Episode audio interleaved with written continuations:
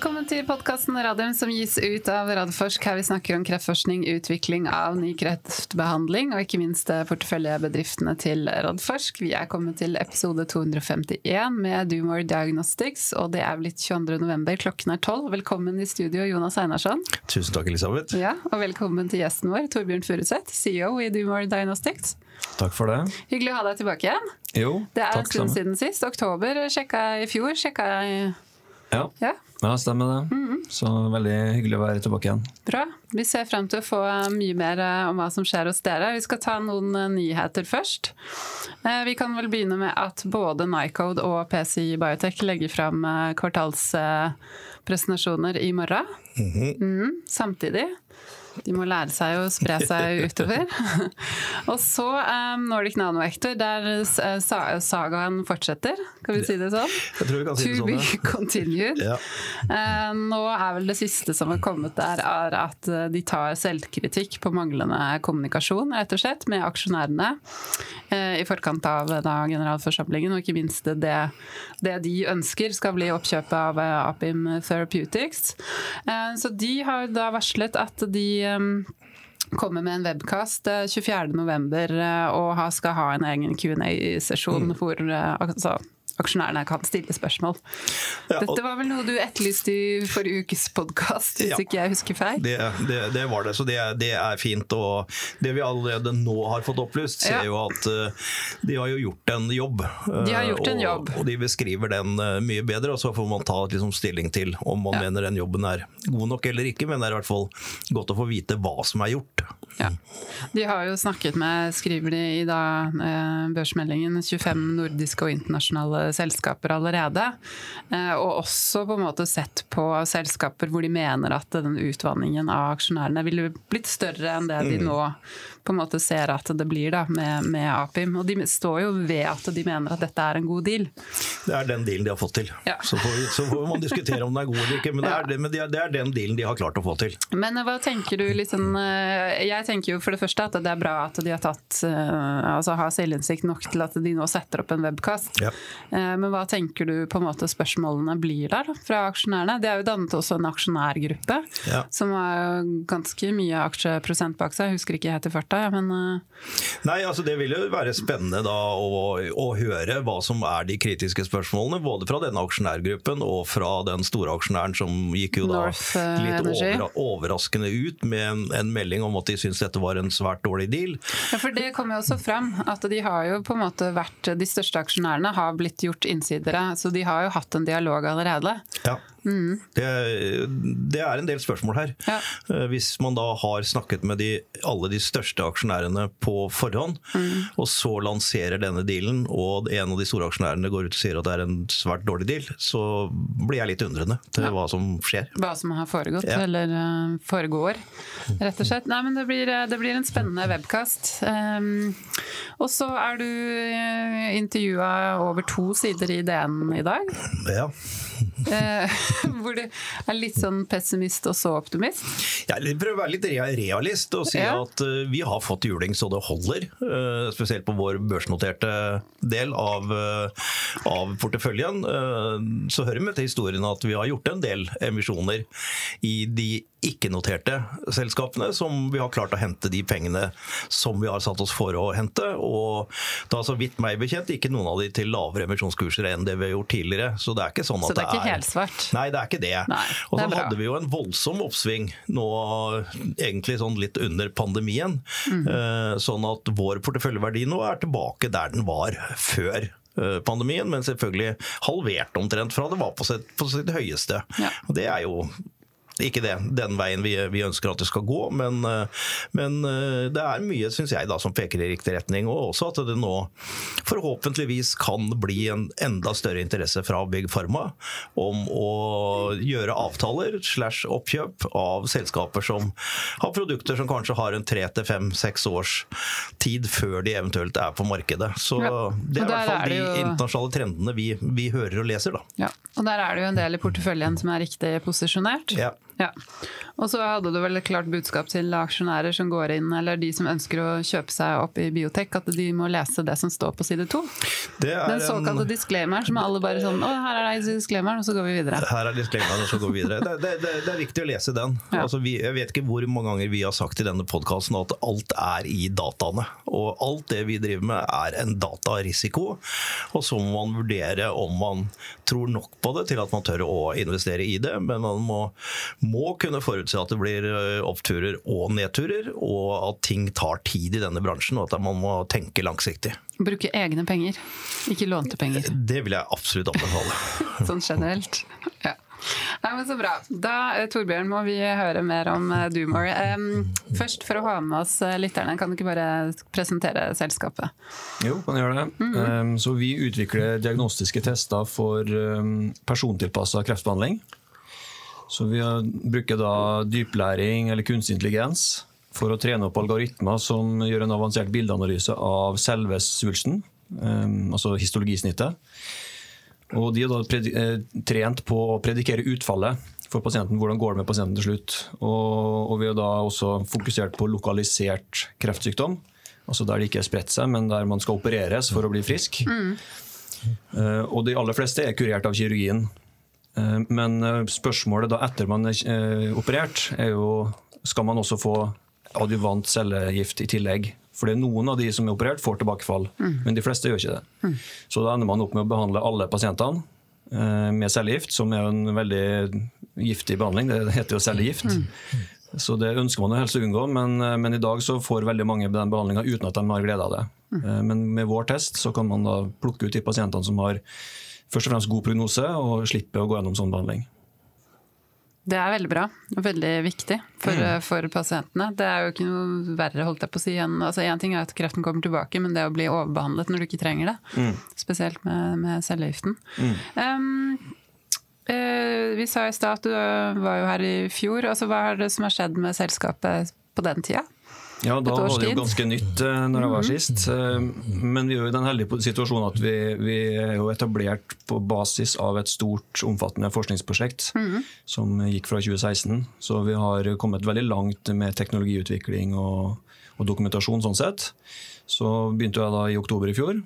Og nå har vi fått veldig bra framdrift og mye resultat. Vi har, fikk jo C-merking i mai. Det er viktig da, for å kunne Absolutt. selge produktet i markedet. Eh, og nå hadde vi faktisk også for et par uker siden sånn ISO-sertifisering, ISO 13485, eh, som også er et viktig kvalitetsstempel for selskapet når man skal gå inn mot klinisk behandling. Eh, Vi har fått eh, varemerkebeskyttelse på produktet, vi har fått eh, patent i USA. Eh, Vi har flere dialoger nå med eh, akademiske sykehus eh, og partnere for å ta i bruk algoritmen. Så det er veldig spennende. Vi møter veldig mye interesse når vi er ute internasjonalt og, og snakker om det.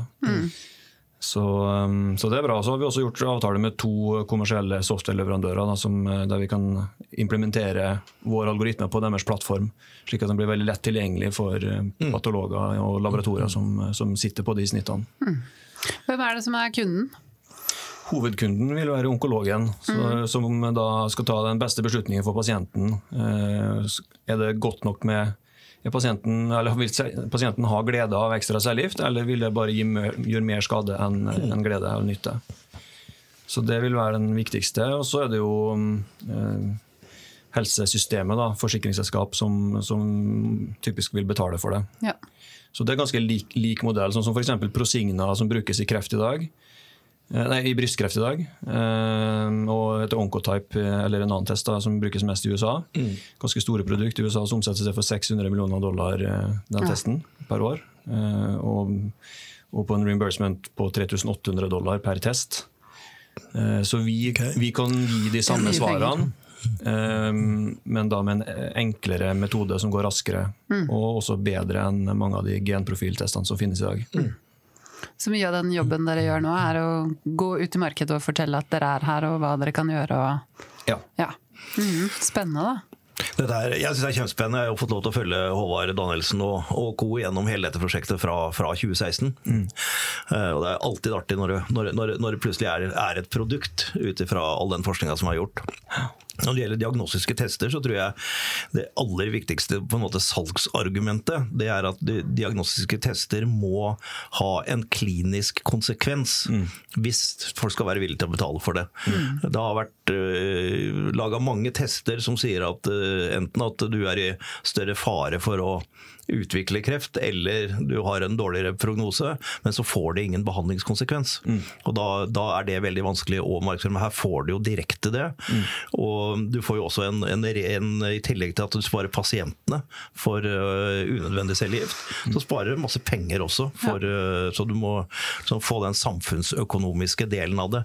Mm. Som ikke alltid er like lett, da, for det er ikke den samme som sparer penger som skal betale for testen. Men det er også alltid en utfordring med denne type teknologi. Det er helt klart. Så det mm, eh, jeg tror alle er enige om at det er en god ting vi gjør. Og så er det mange forskjellige stakeholders i bildet, og litt forskjellige økonomiske si, insentivstrukturer, eller hvordan mm. eh, finansieringa går. Og det at eh, helsesystemet kan spare penger på det, betyr ikke nødvendigvis at, sykehuset, at det er gunstig for sykehuset eller den Nei. legen som, som, gjør det. Så, så, det er jo faktorer som vi som vi må kartlegge godt og, og skjønne hvordan vi kan komme inn da, på ja, så er det jo helt forskjellige verdener. I USA, som du nevnte, det er jo forsikringsselskapene mm. som, eh, og Medicare da, som, som, betaler for det. Ja. Uh, og så har du helt annerledes system i England enn i Tyskland, f.eks. Mm. Og så skal du gjennom noen metodevurderinger i Norge. og ja, det, det, er, det, er, det, er, et komplisert puslespill. Ja da, så absolutt. Det, det, er krevende å komme inn på markedet i, eh, innenfor helse, fordi det er nettopp så mange stakeholders og så mange litt lengre prosesser. Så, så det, men det er vi jo klar for. Vi, jeg tror det som er, og det er jo ikke noe unikt for oss. Jeg tror vi, Hadde vi også kommet med et, et produkt som hadde gitt bedre behandling, men det hadde kosta mer, så, så hadde det også vært utfordring. For da hadde payers kanskje sagt nei, og du må gjøre mm. masse helseøkonomisk analyse på den biten. Ja. Så, så, det vil være utfordringer i, i, på alle mulige måter, men, mm. men veldig viktig for oss å være klar over hva er våre utfordringer, og hva, hva kan vi gjøre for mm. å, å overkomme de. Og så er det tykktarmskreft som er nå, men så vidt jeg husker, så er det absolutt flere indikasjoner dere kan utvikle etter hvert. Ja, så det er mm, absolutt det er jo solide svulster da, generelt, og så er det tykk- og endetarm som har kommet lengst. og Der har vi jo dokumentasjon i Lancet og Lancet Oncology. Mm. Det var også en viktig publikasjon som kom nå i september. Mm. Um, men, men, så kommer også prostata og, og lunge. Ja. Spennende. Det er også store, viktige indikasjoner. Det er jo på en måte de, de krefttypene som det er mest av. Mm. Det er de tre av de fire store, så brystet er ja. den siste store, mm. solide svulsten. Mm. Eh, der er det jo da en god del genprofiltester som finnes ja. allerede. Og, og, det var også en del digitale patologialgoritmer som også er kommet der. Mm.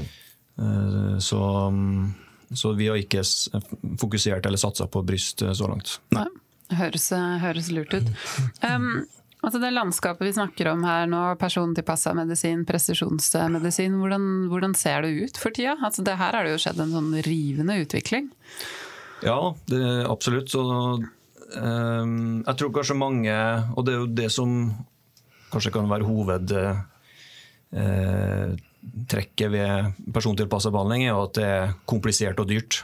Mm. At man gjør masse spesialgentester og skal ha et legemiddel som bare er tilpassa den subgruppen av populasjonen. Uh, og det, det, er veldig bra, og det er jo mye som skjer der. Um, og det er også ganske sterke kommersielle krefter bak det. Uh, men også persontilpassa medisin er også veldig viktig å kunne velge bort medisin som da er skadelig. Mm. Uh, og, og, finne de pasientene som kan ha nytte av det, og de som ikke har nytte av det. Mm. og det det er jo der vi passer inn sånn sett i persontilpassa behandling. Mm. Og, og, og, litt som jeg sa, så er det, det med kommersielle interesser er jo også et, et poeng. Det at vi kan, vi kan, spare penger, gjøre at eh, totalt sett er mindre, mindre kake å dele på for, for kommersielle aktører. Mm. Eh, men men jeg tror det, erkjennelsen av at de metodene man har i dag er for dårlige til å velge ut pasienter, mm. den er veldig sterk blant onkologer. Mm. Eh, men derfra på en måte å ta i bruk en ny metode, det er jo klart at det, det er en vei som, som, vi må gå, der vi må gjøre en, eh, vår jobb. da. Ja. Ja. Er det liksom en viss eh, konservatisme dere møter der ute? Er man klar for sånne type tester? Jeg tror generelt sett så er kunstig intelligens eh, absolutt på vei inn i medisin, både type legemiddelutvikling, som gjerne ligger litt foran, men også i ren klinisk behandling. Eh, Det er flere undersøkelser som viser det at, eh, at leger og klinikere også er veldig positive til å ta det i bruk. Um, og så er det jo alltid en sunn skepsis. Men det kommer jo alltid mye nytt. Så jeg skjønner jo det at, at Skal ikke kaste overalt, liksom. Nei, man må se at det er gode data som ligger bak, og at det er pålitelig og at det er relevant for den pasientpopulasjonen man, man behandler sjøl. Så, og Der har vi også en jobb fortsatt å gjøre i selskapet eh, med å bredde dokumentasjonen vår. Så den, den dokumentasjonen vi har, er bunnsolid. eh, Men vi trenger også å dokumentere det videre i litt andre eh, behandlingssettinger. I andre geografier, f.eks. Så, um, men det som er fordelen for oss, da, det er jo at vi kan gjøre det her veldig fort. Eh, Det å analysere bildet og linke det opp med Så lenge vi har de dataene, så går det veldig fort. Um, så vi hadde hatt en sånn genprofiltest. Da måtte vi hente inn vevsblokker fra rundt omkring. Mm. Ulike sykehus, ulike labber, ulike land. Og så bringe det inn, og så kjøre analysen eh, hos oss. Og det, um, det er jo mye mer eh, ressurskrevende, og så ender man opp med å kanskje få 30 av pasientpopulasjonen. Mens, eh, mens vi, når vi går ut nå, så, og gjennom instituttet til Håvard, da, så, så får vi jo veldig fort samarbeid med topp institusjoner globalt. Eh, Japan, eh, de, de som er lengst framme der på forskning og utvikling på kolorektal, er, der er det eh, forskningssamarbeid, og, og tilsvarende også i Australia på, på de topp klinikerne der. Så, så det er veldig morsomt når vi går ut, så får, møter vi mye åpne dører og interesse. og Det er jo kjempebra. Ja. Ja, Det er, det er klart det, er, det er stor interesse av å ikke overbehandle pasienter. Samtidig så sitter du som lege og skal velge bort noe som kanskje kunne hatt hjulpet pasienten. Og da må du føle en viss trygghet i at det er den riktige beslutningen. Og det er jo nettopp dette er et verktøy for å hjelpe til med det. da. At det blir litt lettere å si at nei, du skal ikke ha den behandlingen. Eksakt. Og, og jeg tror vi mennesker er nok litt Vi har den biasen at vi hvis du, har en, du vil gjerne ta en risiko for å kunne oppnå noe, selv om du vet at det, du får også en betydelig nedside, Ja. Så, så er vi skrudd sammen sånn at da vil man gjerne gjøre det, som regel. Ikke, Alt, ikke alt, alt skal være prøvd, det er liksom det som er. ikke sant? Men det er ikke sikkert at det alltid er riktig å prøve alt. Det, er sånn, det, det krever en litt sånn omstilling både hos pasienter, for det er jo pasienten til slutt som også eh, Det er ikke sånn at legen sier at du får ikke den medisinen. Men å forklare for pasienten at vi har gjort de og de undersøkelsene, vi har den og den bakgrunnen, og vi vil derfor anbefale, men hvis du vil, så får du den cellegiften. De kommer aldri til å si at du ikke får den. Men, men så det er også pasienten som må føle den tryggheten og si at ja, men det er, alt er prøvd, og dette er riktig behandling. Og så er det ikke sånn sistelinjebehandling hvor alt må prøves heller. For det er som du sier, dette, dette er jo pasienter som i stor grad blir friske av kirurgien sin. Jeg tror bare sånn som For stadie to da, så er tallene, og det har man gjort studier på, så, så ser man at 80% er kurert av kirurgien. Eh, og så er det da de resterende 20% som ikke er kurert av kirurgien. Og i den gruppen så er det da 4 altså av de totalt 100, da, de har glede av cellegiften. Og så er det 16% som får tilbakefall selv om de får cellegift. Ja. er ikke sant. Så det betyr at du, må, du har da 90, eh, altså 96 som behandles som bare får bivirkninger, ikke har noen glede av eh, cellegifta, og så er det fire da som har, eh, Ja. har glede av det. Ja, det er, Det dette er et unmet medical need. Definitivt. Ja. Men um, sånn som i Norge nå de siste årene, så har du hatt dette initiativet Connect via Oslo Cancer Cluster og egentlig sånne nasjonale, nasjonale krefter. Det er mye som skjer innenfor presisjonsmedisin, mye positivt. Vi har fått mye internasjonal anerkjennelse for det. Er det også noe dere møter, eller sånn i tillegg til at det, som du sier, da, kommer liksom fra Håvard Danielsen og hans forskning?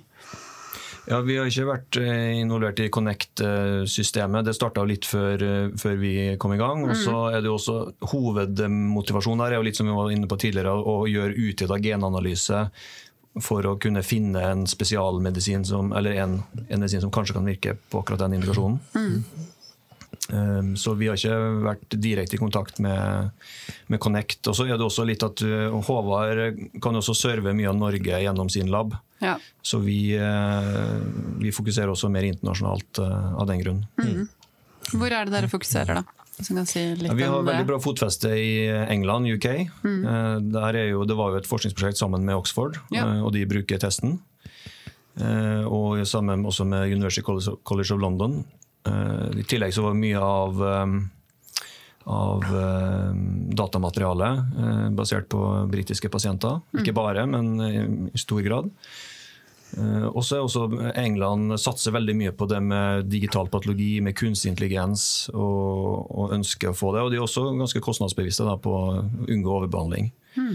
Så det, det, er et marked som er attraktivt. Eh, og så også Tyskland alltid attraktivt i, i europeisk mm. sammenheng, fordi det, er så, det er sånn fragmentert og pockets of opportunity. Um, og, og, tilsvarende også en fokus på selvfølgelig at du ikke overbehandler. Uh, og så er alltid USA interessant, uh, så det også ligger som, som, et fokus, men på en måte pri to. Så vi, vi følge også muligheter i USA, men men hovedfokuset foreløpig er Europa, fordi vi tror det er lettere å komme inn der. Eh, til å begynne med. Til å begynne med ja. ja. Mm. Det krever litt, da. Ja da, det, ja. så det Men, men altså vi, skal ikke finne opp kruttet her nå, det er allerede funnet opp. så nå skal vi bare få det ut. Og, Det er jo på en måte kjente mekanismer og kjente system, ja. uh, men det krever ressurser og tid og, mm. og smartness. Mm. Ja, det vil jeg tro. Og en, en, en, et viktig moment er jo med å få si, de viktigste onkologene til å se potensialet i det og, ja. og begynne å bruke ja. det. Så Key Opinion Leaders. Så, så, vi er nå i ferd med å utvide eh, advisorboardet vårt til å inkludere også topp eh, onkologer fra egentlig globalt. da. Mm. Hva er det, Hvis vi ser litt sånn framover i tid, hva er det viktigste som skjer for dere? Ja, Det viktigste er jo at vi får flere valideringer, eh, som jeg snakka om. og Det er vi i gang med også, i samarbeid med Håvard mm. på instituttet. Um, og det, Heldigvis så kreves ikke det så mye ressurser, du må bare ha tilgang på et datasett. og Fordi vi har så solide publikasjoner, så, så, er det stor interesse for å være med og samarbeide. Mm. Uh, og så, med litt flere valideringer, så er det å komme inn i kliniske guidelines. Mm. Det er viktig. Det er USA er NCCN, og i Europa så er det enten ESMO eller uh, NICE fra mm. England. Uh, så det, det, er prosesser som vi begynner å se på og skal forfølge. Uh, og så må vi sette opp noen sånne små kliniske studier, clinical utility, der vi viser at testen faktisk har en effekt i klinisk behandling. Mm. Sånn at um, leger og onkologer da velger å endre behandlingen basert på testresultatet. Mm. Eh, så det, det, er korte studier, som, eh, og du trenger ikke så veldig mange, men du må kunne vise at, eh, at den har en betydning da, for, for, mm. pasientbehandling. Mm. Og så er det alltid greit å ha prospektive data også.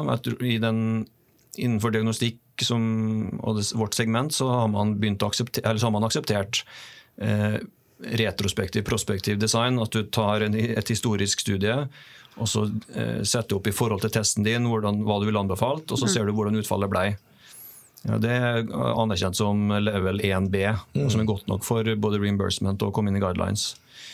Eh, men vi tror uansett at det er smart å bare ha en prospektiv studie gående for ja. å lage egne prospektive data. Så det er også jeg i, ferd med å, å etablere.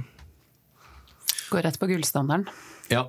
mm. Jo, men det er jo lurt, det. Det var jo samme tilbakemelding som Ultimovax fikk ja. i forhold til hvordan de har satt opp studiene. Så setter jo opp så vanskelig som mulig. Du må så, nesten gjøre det. Ja, ja. Så veit man at de data man får, er jo solide data. Mm. Mm, rett og slett. Også på kort sikt så er det jo også å hente penger, da. Ja.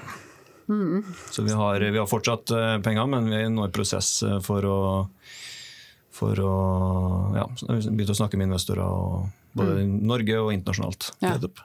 Er det lettere når man kommer fra den diagnostiske siden enn fra biotek-siden, som Einarsson sier? Jeg er knusktørt på den sida der. Ja, Men, jeg tror eh, biotek har jo vært ganske krevende nå generelt, og kanskje spesielt i Norge. Mm. Um, så, så, sånn sett er det nok eh, bedre stilt, men det er klart at alt som Alle investeringer der man kan få en pengestrøm lenger fram i tid, har jo blitt mindre attraktive nå med høyere renter og mer usikkerhet. Absolutt. Og man har sett at, eh, at ting har gått ned. Mm. Så, så, det er klart det er ikke et lett marked nå, det, det er det på ingen måte. For, for noen, tror jeg nesten. Nei. Mm. Men um, Og så skal dere ut og presentere, vet jeg i hvert fall, på DNB Nordic Healthcare-konferansen 15.12. Ja, mm. så det er veldig, vi får jo veldig mye oppmerksomhet og interesse generelt, så, mm. så, det var veldig kult at vi også ble ble invitert med på den hovedsesjonen hovedsesjonen -hmm. eh, hos DNB, eh, sammen med de store gutta som, som er på børs. Ja. Og så skal vi også være med i den venture-sesjonen og, og, kjempe om, og pitche om en eh, pris på én million. Ja, det er gøy, da. Mm. Og så hadde dere jo Dere fikk jo en sånn eh, Rising Star Award også på NLS Days tidligere i høst. ja, ja. Og da er det jo anerkjennelse i Norden, ikke sant? Ikke bare et norsk. Ja, ja da. Så, nei, så veldig, veldig morsomt. Det. Det, både det og at vi, det vi driver med er veldig spennende og, og framtidsretta, og, og også har en ganske sånn god kommersiell mulighet på kort sikt. Har dere konkurrenter? Altså, du nevnte jo på brystkreft et område dere ikke vil gå inn på, for her er, der er det liksom crowded. Men på de indikasjonene dere er da, på tykktarmskreft og, og det andre dere har i Ja, pipeline, har dere konkurrenter der? Ja, det, det, altså det her er jo et stort medisinsk behov, så det har vært eh, prøvd ut forskjellige ting. Så Genprofiltester som vi har vært inne på tidligere, har vært eh, tre-fire forsøk som ikke har blitt bra nok. Fordi det sannsynligvis spiller en mindre rolle i, i kolorektal. Eh, og så um, er det jo en test som heter Immunoscore, eh, der man ser på immunreaksjon. Som også har vist på en måte, interessante resultat, men liksom du var inne på Jonas, at det er vanskelig å ta en klinisk beslutning basert på den. Ja, absolutt. Um, men det som kanskje blir den største vi er ganske, vi er, Jeg vil ikke si nødvendigvis konkurrent, da, men det vil prege markedet. Det er jo sånn eh, liquid biopsy eller CTDNA. Der har man kommet et stykke på vei nå innenfor eh, tykk endetarm, som er en av de hovedindikasjonene for CTDNA. Og, og det er litt sånn blanda resultat her også, men at det kommer til å spille en rolle innenfor tykk endetarm, det, det gjør det. Mm. Men det som er fordelen for oss, er at vi, vi er jo veldig fokusert på selve tumor og eg- egenskaper i tumor, og de ser jo bare i blodet. Så de teknologiene vil også være ganske komplementære. Ja? Så de kan Egentlig burde man bruke begge to, da. Ja, vi, vi tror det kan være en bra value proposition også. Litt sånn som man så på covid, også med hurtigtest og en bekreftende test seinere. Eh, de studiene man har gjort på CTNA nå, så ser man at oppstart av behandling for eksempel, er én måned forsinka for de som går inn i CTDNA-løpet. Ja. Mm. Så de som skal ha behandling, de, de får det da en måned for seint. Mens vi kan gi svar i løpet av noen minutter. Så kan man få et, eh, et første svar og mye informasjon fra selve tumor. Og så kan man supplere med CT-DNA seinere. Jeg, jeg, tror det at sånn, eh, altså for, for lytteren som ikke er, er helt inne, the circulating tumor DNA, altså det fragmenter av DNA som man finner i blodet, det er det man analyserer. Mm. Jeg tror den finner sin plass i oppfølgingen av pasienten. Eh, At man kan se at hvis, den, hvis man har en baseline på den, og den begynner å øke utover, så er det en ganske god indikasjon på at det er et eller annet som skjer, og at et tilbakefall kan være på vei. Mm. Sånn at det, jeg tror det, Den finner sin mer sin plass i oppfølgingen av pasienten, mens dette forhåpentligvis er da den som er med og danner et eh, solid grunnlag for den beslutningen som tas umiddelbart etter operasjon. Så bra. Noe annet eh, vi bør vite? Nei, det var vel, har vel vært innom det viktigste, tror jeg. Så Du sier noe om størrelsesorden dere skal hente penger og tidslinjer på det, eller er det ja, vi, vi sikter på 100 millioner kroner. Mm. og det, eh, ikke, Vi må ikke ha så mye, for så vidt, men vi tror det er lurt å hente såpass mye når man først gjør det. Ja. fordi at da kan vi legge litt ordentlig trykk og troverdighet bak det vi skal gjøre. Mm. Med, med de prosessene vi står framover nå, med å sette opp litt studier. Ikke at de koster så mye, men, men det, vi, vi må jo på en måte bygge litt infrastruktur og, og sånt. Så, men vi tror at de pengene skal vare i i tre år, og at vi da i løpet av den tida har uh, fått uh, reimbursement i et europeisk land. Ikke sant? Ja, så bra. Nei, men uh, masse lykke til. Tusen takk. Så gleder jeg meg til å se deg pitche på DNB, Healthcare-konferansen, hvor vi skal ha podkast. Det skal vi. Ja, det skal vi. Eh, Neste uke skal vi ha med oss eh, Onkoinvent og hun som er sjef for eh, kliniske studier der, som ikke jeg husker navnet på i farten. Jeg ser på deg, er ikke du i styret der? Nei, det er jeg ikke. Jeg Det har er ikke vært i styret. Er ute? det siste, siste Kari. året. Kari, Det er Kari, Ja. ikke, Tina er på vitenskapssida, og så er det Kari Ja. som er Ja, ansvarlig der. Hun kom fra Photocure. Fotokur, Ja. Og så uken etter det så skal vi ha med oss eh, Thermo Fisher. Kjempespennende. Ja, for de har laga et instrument. Norske delen har laget instrument for celleterapi. Altså selvterapi. Ja. Som er veldig, veldig kult. Så vi skal få hun prosjektlederen som har eh, vært ansvarlig for det, i studio. Eh, men det er neste uke og uken etter, og så er det DNV Healthcare, og så tar vi juleferie. Det gjør vi. Ja, men vi skal jobbe litt før det, da. Takk for i dag.